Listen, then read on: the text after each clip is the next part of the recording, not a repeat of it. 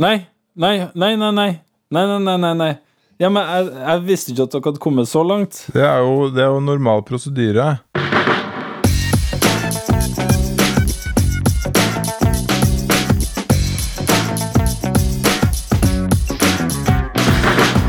Du hører på Psykologlunsj, populærvitenskapelig lunsjprat med psykologene Tommy, Jonas og Jan Ole.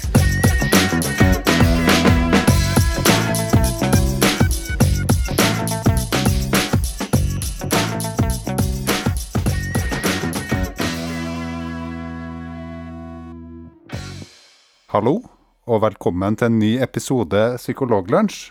Vi er fremdeles en podkast som rives av tre psykologer. Den ene, som heter Jan Ole, sitter i Drøbak. Den andre sitter i Melhus, eller på Melhus, eller eh, oppå toppen ovenfor Melhus sentrum. Under Melhus. Under Melhus, ja. Det tar eh, sånn ca. en halvtime å gå dit, fra Melhus sentrum.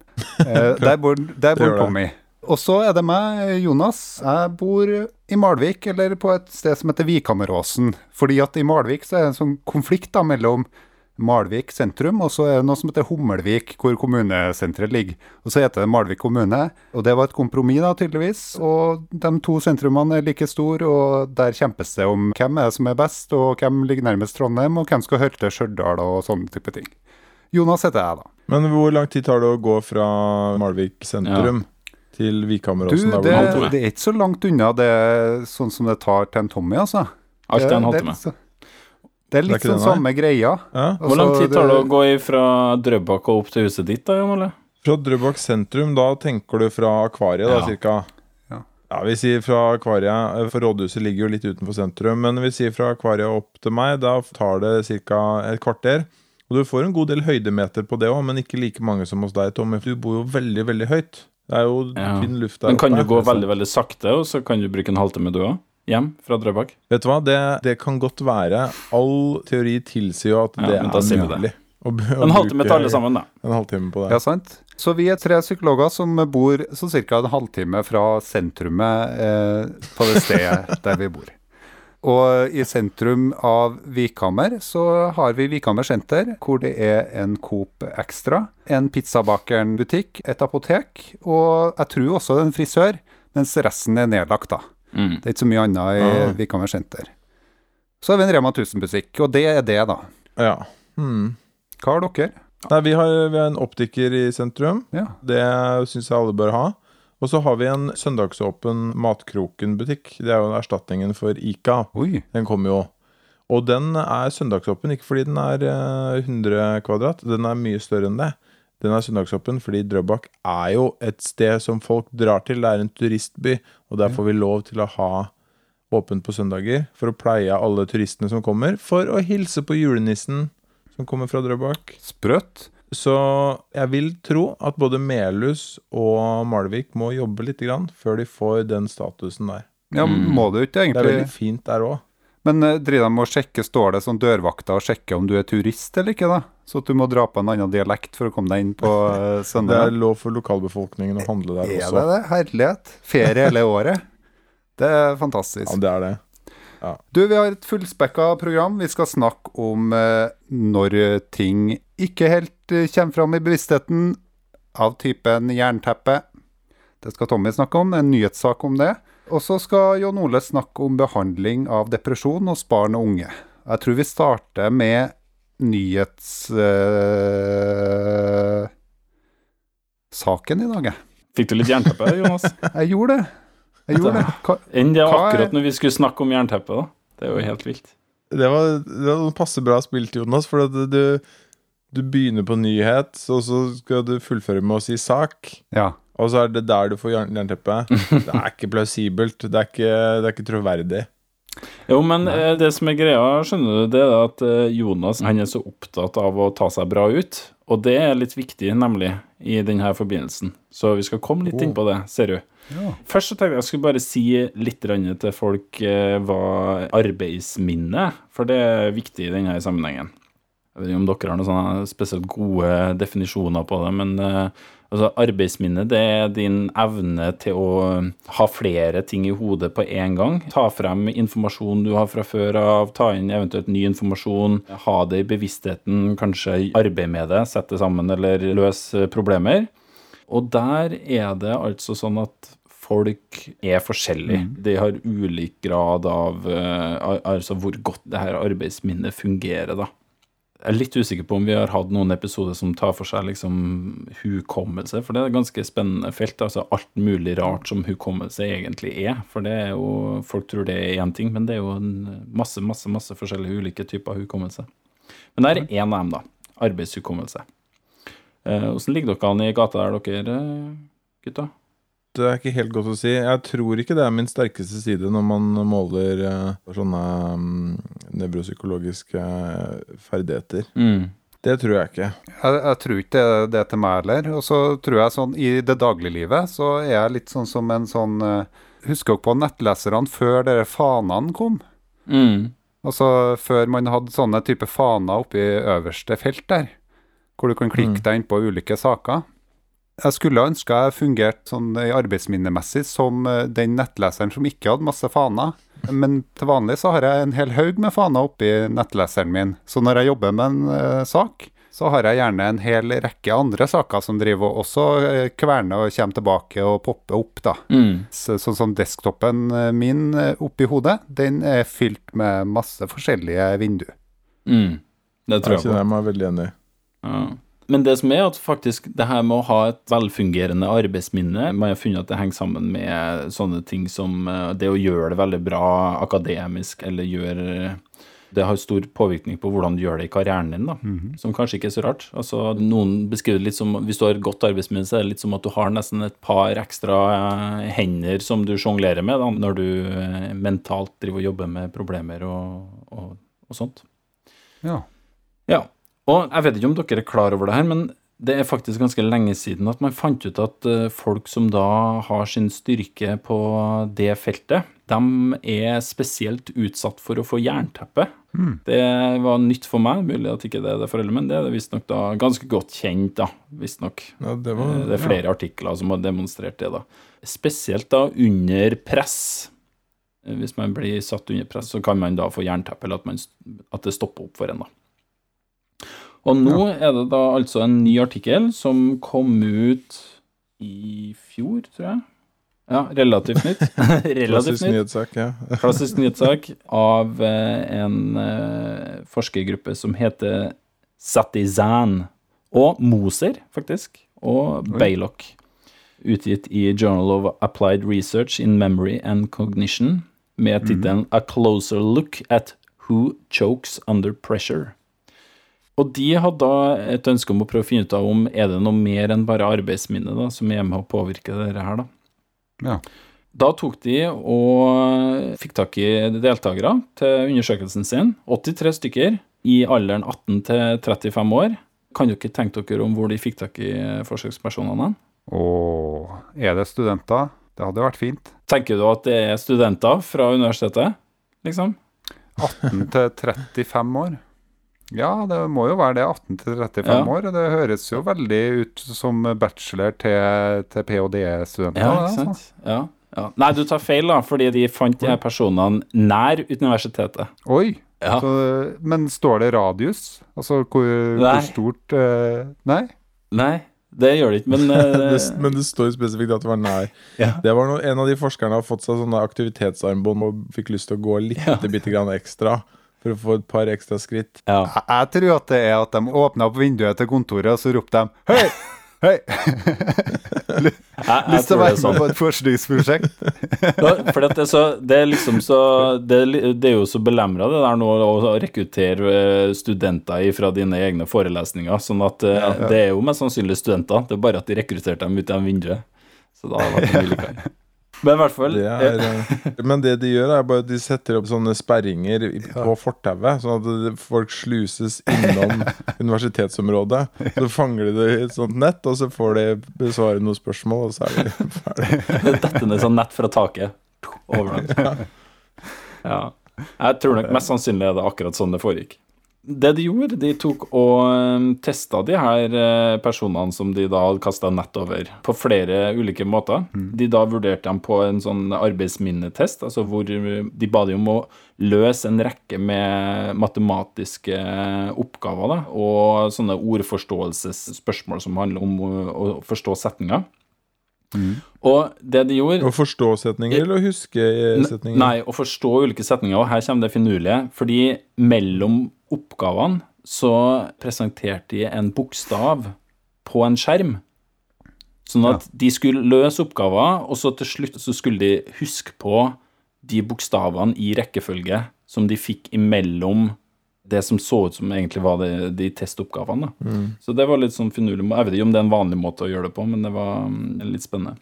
Og så testa de også oppmerksomhetskontrollen deres. Som jeg forstår det, så er det litt mer det her med å evnen til å skille ut uviktig informasjon eh, og fokusere på én viktig ting. Det er en test som heter flanker task. Jeg vet ikke om dere kjenner til den. Det er en sånn der en sånn hake, ikke parentes, men en sånn hake, en sånn pil, sånn større eller mindre enn tegn, hvis dere mm, mm, Ikke sant? Og de er da omgitt av flere sånne større eller mindre tegn, og så skal du da finne ut av hvilken retning peker det tegnet i midten, og så har de da tegn rundt seg som enten stemmer med det tegnet i midten, eller er motsatt av det tegnet i midten.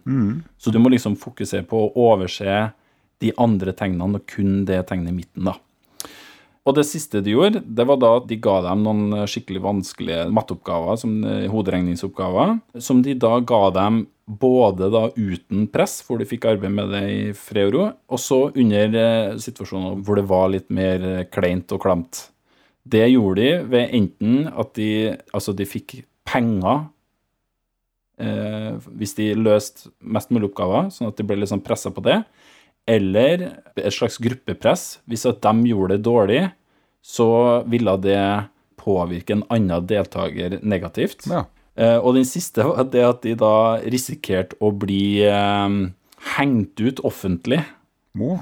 Altså at resultatene deres kom til å bli delt med professorer og andre personer. Hæ? Eh, ja.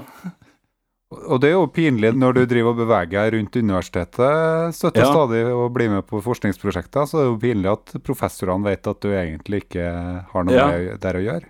Ja, Ikke sant? Så ikke nok med at du går rundt og blir redd for å få sånne nett eh, kastende over deg, så er du i tillegg så syns du det er ekkelt hvis at de er professorene og så der, der andre enn der som ikke greier å gjøre matteoppgaver i hodet. Sant? Så det, jeg syns det er et bra setup da, på, på det eksperimentet. Jeg likte det veldig godt. Og da, resultatene For det første så bekrefta de tidligere forskning, nemlig det å ha en eh, god arbeidshukommelse, et godt arbeidsminne. Det gjør da at du eh, gjør det vanskeligere når du er i sånne høystressa situasjoner. Når du da risikerer å bli hengt ut etterpå. Men så var det da det som var nytt i det her, da. Det var det at når du da tar med det her med oppmerksomhetskontroll, altså det her større enn mindre enn eh, tegnene, så var det sånn da at uh, hvis du hadde et godt arbeidsminne, men du hadde dårlig oppmerksomhetskontroll, da gjorde du det spesielt dårlig og fikk veldig fort jernteppe uh, når du var i en situasjon som uh, det var mye press i, hvor du kunne dumme deg ut, og det ble lagt merke til, da. En gang til, hvis du hadde godt arbeidsminne og Hvis du ikke har godt arbeidsminne, så går det Da spiller det ikke noen rolle uansett. Da er det ikke noe forskjell, liksom. Men hvis du har høyt arbeidsminne, så gjør du et dårligere underpress. Men hvis du da har en lav oppmerksomhetskontroll, altså hvis du gjør det dårlig på denne flanker-testen, så kommer du verst ut. Ja. Da gjør du det skikkelig, skikkelig dårlig. Og det de da tenker da kanskje skjer, det er det at um, de her ekstra par hendene som du da bruker når du sjonglerer mentalt, de blir opptatt og forhindra til å gjøre de her oppgavene fordi du eh, antakeligvis bruker de på å være nevrotisk og nervøs og bru ha liksom kapasiteten nok til også å plages med andre ting, da. Er da muligens eh, forklaringa. Ok, ja. Så de driver og jobber med de andre fanene i nettleseren på et vis? Ja, men bare da hvis det kan være litt sånn risiko for å dumme deg ut, eller at det blir flaut for deg, da. Ja. ja. Skjønner. Så jeg vet ikke om dere har noen gode råd da, da, til folk som har høyt arbeidsminne, og som skal stå foran og holde en eh, forelesning eller holde et framlegg eller gjøre noe eh, i offentlighet. Om dere har noen gode råd til hvordan de Ja, de må jo åpenbart eh, gi seg selv et sånn hoderegningsstykke samtidig. Ja. Mm. De må bare loade. De må bare makse det helt ut. Du må ha enda flere oppgaver. Ja, det var Ja, godt for det blir eh, for poeng. enkelt for dem. Da ender de bare opp med å bekymre seg. Ja, Mm.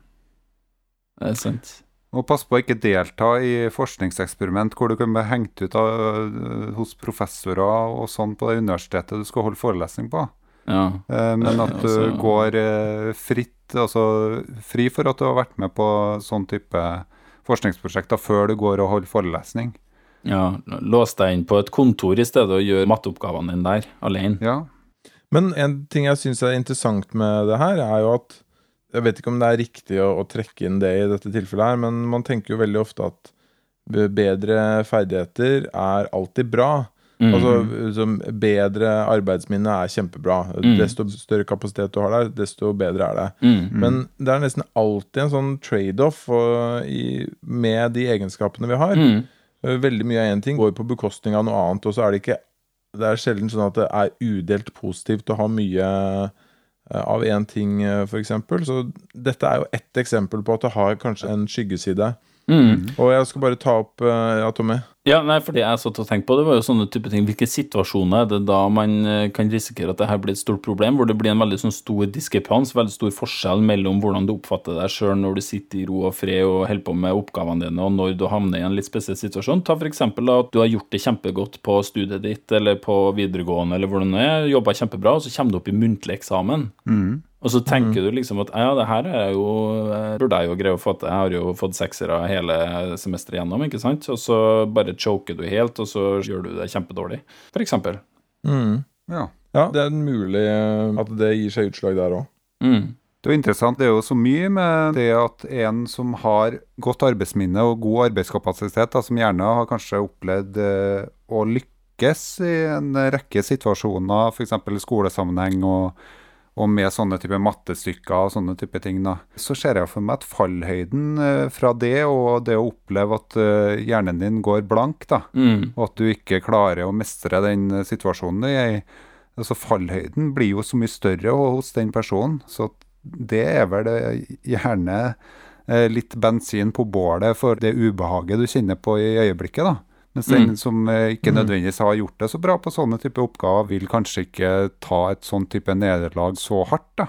Eller i hvert fall Mm. det at det tar litt tid før du får svart. Mm. Mm. Og det føyer seg jo litt Du snakker om det med sånn trade-offs, Jan Ole. Jeg tenker Det passer jo også litt inn i ting som er kanskje litt sånn beslekta, uten at det kanskje har den samme nevrobiologiske forklaringsmodellen. Da. Men Sånn som Dunning-Kruger-effekten, som vi har snakka om, ikke sant? Kan det være sånn at eh, det her med å ha en høyt høytfungerende hjerne eller har ha veldig god peiling på ting også gir deg såpass mye romslighet til at du også kan ha en del sånn at nevrotisismen eh, slår ut, da.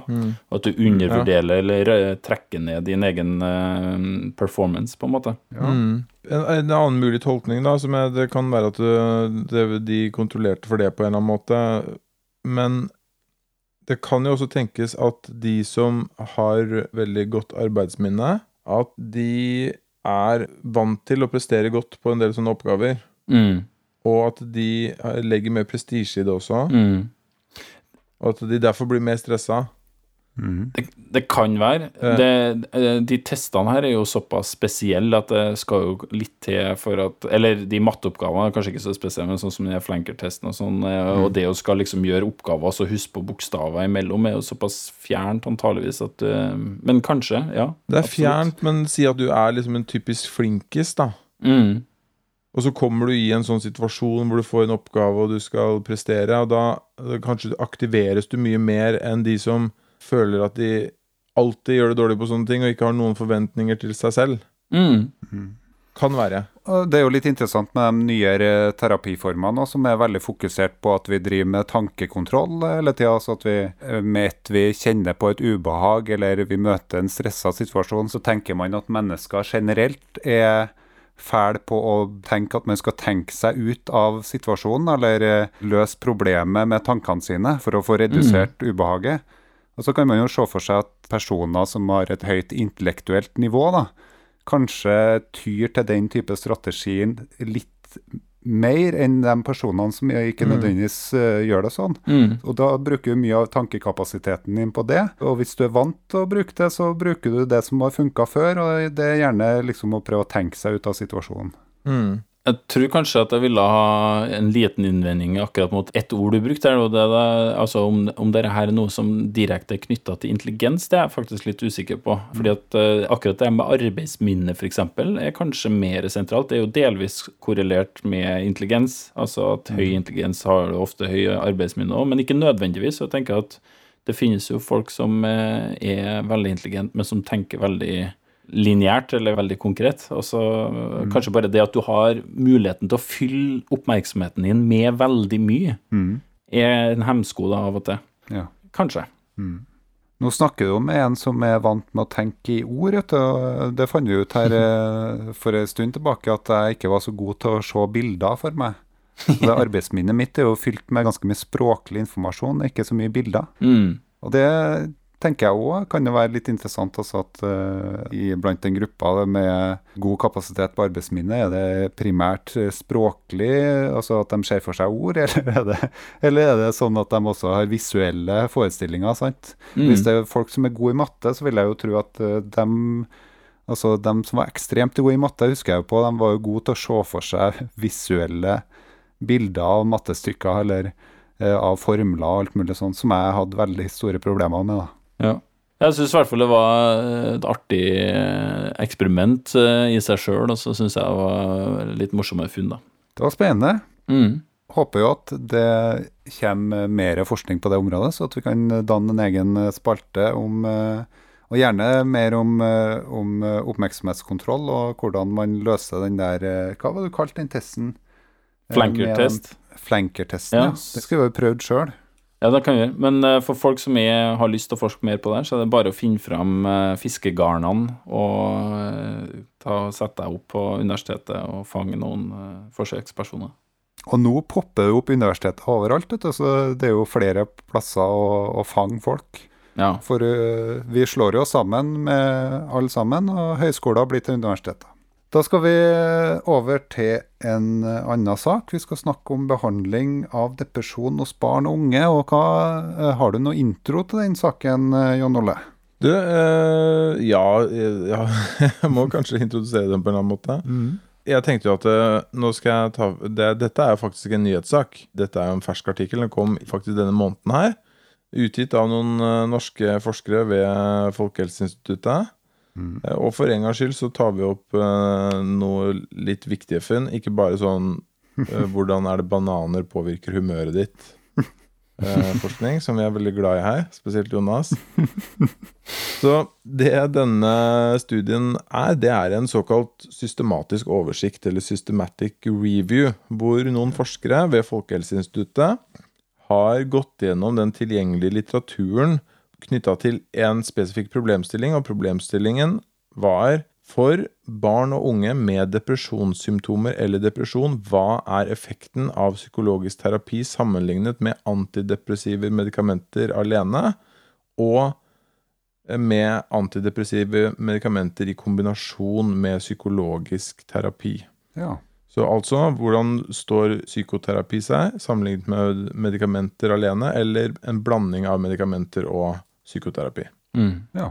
Og det er et ganske viktig spørsmål, Mm. og et spørsmål som jeg antar at hvis man spør folk der ute, også fagfolk, Mm. hvis man stiller spørsmålet vet vi nok om det, så tror jeg ganske mange ville sagt ja, at vi vet i hvert fall en god del om det. Mm. Og de har da gått gjennom all litteraturen de har funnet på disse problemstillingene, og gjort disse søkene på en sånn eh, bestemt måte, en veldig systematisk måte. De fikk eh, 866 treff på sine første søk, og gikk gjennom disse for å se hvem er det som egentlig besvarer det spørsmålet vi er ute etter. Og også hvilke av de er det som holder høy nok kvalitet til at vi kan bruke de i denne undersøkelsen. Og det de kom fram til av de 866, var at det var mulig å basere seg på tre eh, studier. Tre studier. Med tre studier. Ja. Veldig overraskende med tanke på at depresjon hos barn og unge er jo egentlig en er jo veldig en vanlig problemstilling. Mm. Det gjelder én av 20, anslår Folkehelseinstituttet. Og det forskes jo en del på det, men det forskes ikke så mye da på hva er den beste behandlingen. så- Altså er det psykoterapi eller medikamentell eh, behandling. Mm. Og det var da til sammen tre studier som hadde totalt eh, 481 barn mellom 11 og 18 eh, år. Eh, Og studiene ble publisert i 2004, 2006 og 2015. Ja. Og resultatet fra denne undersøkelsen som de gjorde, det var at eh, vi kan per i dag ikke si noe egentlig om de spørsmålene. Vi kan ikke si om psykologisk behandling er bedre enn medikamentell behandling. Vi kan heller ikke si om psykologisk behandling er bedre enn en kombinasjon av medikamentell behandling og psykologisk behandling. Nei. Det vet vi faktisk ikke. Nei. Det er jo litt kjipt, da. Og det var litt overraskende for meg, altså. Mm. Det er et stort kunnskapshull hvor vi rett og slett mangler god nok forskning. Eh, vet du noe om hva som var de hyppigste årsakene til at uh, studier ikke ble inkludert? Var det fordi at jeg vet de bryr seg både om liksom hvor stor gruppe, altså hvor mange deltakere det er, og om liksom setupet av høy kvalitet og sånn? Ja, Årsaken til det, Tommy det, Jeg har ikke alle detaljene, men det de skriver, er at alle de studiene de kom over, hadde veldig høy risiko for eh, systematiske feil. Hovedsakelig pga. manglende blinding av deltakerne. Sånn, Ja. sånn at deltakerne visste hvilken eh, behandlingsgruppe de var i. Mm. Både deltakere og helsepersonell og de som målte utfallene av behandlingen, at det var problematisk at de visste i for stor grad hvilken eh, gruppe de tilhørte. Mm. Og i tillegg så hadde alle studiene for få deltakere Ja. med for å kunne få sikre resultater. Det, det beskrev de. Og det er et ganske stort dilemma, fordi alle har jo hørt om at det drives forskning på barn og unge som får sånn behandling, så veldig mange tenker nok at det vet vi jo masse om. Men her er det altså da satt i gang prosjekter så hvor man i en del tilfeller kanskje burde visst på forhånd at det er for lite styrke i dette prosjektet til at vi kan kunne trekke konklusjoner. Vi har for få deltakere.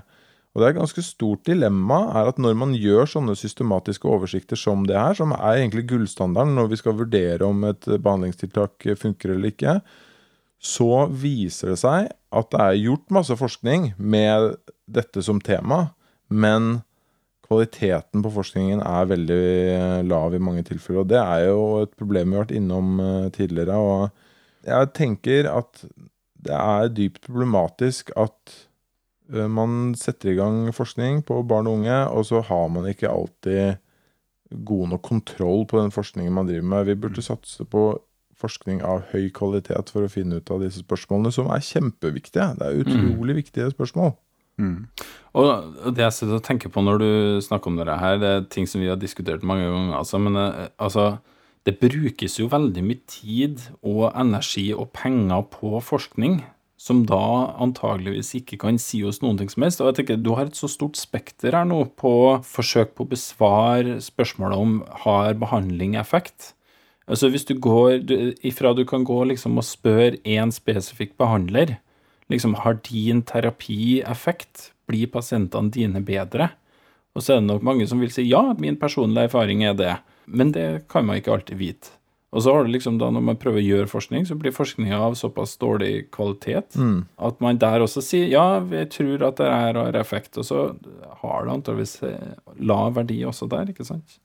Og hvis vi skal følge opp den diskusjonen vi hadde i forrige episode av podkasten, altså diskusjonen rundt en psykiater Mm. Mjåland som klagde på kvaliteten av behandlingen i, i psykisk eh, helsevern, så er det jo nettopp dette vi trenger mer av. Og dette her, bare for å understreke det, betyr ikke at det ikke er noen forskjell. Mm. Det betyr jo virkelig ikke det. Det kan godt være at det er solide forskjeller mellom disse behandlingstypene. Problemet er bare at vi vet rett og slett ikke. Vi kan ikke trekke konklusjoner. Og det er en stor utfordring i, i faget vårt. At det er det er vanskelig å forske på også. Mm. Det er kjempevanskelig å kontrollere disse tingene. Hvordan har man deltakere som ikke vet om de får psykologisk behandling eller medikamentell behandling? Det er ikke alltid veldig enkelt å lage det designet heller. Så det er ikke alltid enkle løsninger på dette, men det er ingen tvil om at vi trenger bedre forskning. Mm. Det er det ikke. Heldigvis så har det jo skjedd en del endringer de siste årene, med f.eks. det at eh, de fleste kliniske studiene eh, skal registreres og bør registreres på clinical trials. sånn at det er og I clinical trials så er det gjerne òg en sånn eh, klausul om at du må ha publisert eh, protokollen for undersøkelsen din i et open access-tidsskrift, så at eh, eh, andre forskere og andre fagfeller kan se på det studiet som skal gjennomføres, og komme med innspill og komme med kritikk mot det, om hvorvidt dette studiet er bra nok til å besvare det spørsmålet som man eh, ønsker å undersøke. Eh, og Sånn var det ikke vanlig tidligere, at man publiserte protokollen før man satte i gang. Men uh, heldigvis så er det sånne type retningslinjer, sånn som konsort-kriteriene, eh, er det noe som heter, altså, som sier noe om framgangsmåten for å planlegge et studie, og om hvorvidt det skal si noe om uh, Altså én studie, og hvorvidt det skal si noe om det man ønsker å undersøke. Og heldigvis, altså det er bare helt i nyere tid at dere har kommet på banen. Og Forhåpentligvis så vil det legge et mye bedre grunnlag for å gjøre gode systematiske oversikter etterpå. Da. At de grunnstudiene som gjennomføres, at de er av god nok kvalitet. Da. Og så tror jeg jo at fra finansieringsøyemed eh, så bør man jo kanskje være god på å satse på de prosjektene som åpenbart har god Altså som virker å være godt planlagt, da. Og så kanskje gi litt Mm. ekstra midler til de forskergruppene som jobber med større data, og som har evnen til å lage større databaser. Og som kanskje får eh, godkjenning til å ha de her større databasene med gode, kvalitetssikra forskere. Sånn at de kan gjennomføre gode oversikter over eh, hvilken type behandlinger som fungerer. Og Sånn tror jeg det må gjøres på nasjonale plan, at eh, enkelte senter blir ekstra gode på akkurat det der, så at vi ikke har bare Mm. sånn spredte undersøkelser rundt omkring. Mm.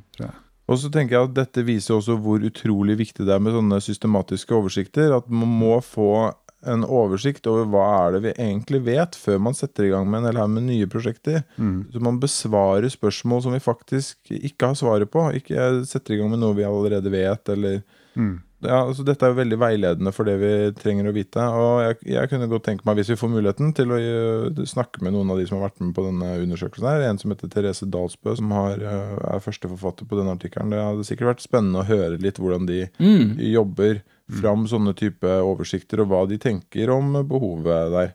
Og så vil jeg jo komme med et lite hjertesukk eh, på tampen her. og Det er jo det faktum at Folkehelseinstituttet de må jo nå nedbemanne massivt. Ja. En hel haug med mennesker som må antageligvis uh, Muligens går det mot oppsigelser, men det skal kutte uh, rundt én av fem stillinger, så vidt jeg har skjønt. I Ja. dette er, det er jo valgår, så politikerne skal kutte i byråkratiet. Og det er bekymringsverdig, syns jeg, at eh, det er der de plukker eh, det fra. Det er sikkert mulig å spare der også, men eh, dette er jo kjempeviktig arbeid som jeg tviler på at vi trenger mindre av i tiden framover. Mm. Altså det å formidle god kunnskap og systematisert eh, god kunnskap om hva vi faktisk vet på ulike felt, og hvordan behandlingsretninga vi skal gå for i, i helsevesenet, det er jo helt alfa og omega egentlig for at vi skal få et bedre helsevesen i, i framtida. Så eh, uten at vi skal si noe politisk, så kan det være lurt å se på det der en gang til, da. Mm. Jeg tenker at vi runder av eh, Vi skal jo selvfølgelig ta for oss det i valgspesialen vår, sånn som vi hadde første året da vi hadde podkasten. Da, gikk vi gjennom alle partiprogrammene, og jeg vet ikke egentlig hva som var formålet med det. Men Nei. eh, nå kan vi jo i hvert fall se hva de mener om Folkehelseinstituttet i valgprogrammene sine, i en spesial. Da håper jeg at eh, dere har hatt en fin eh, lyttesekvens sammen med oss, en god lunsj, eh, og så snakkes vi igjen om to uker.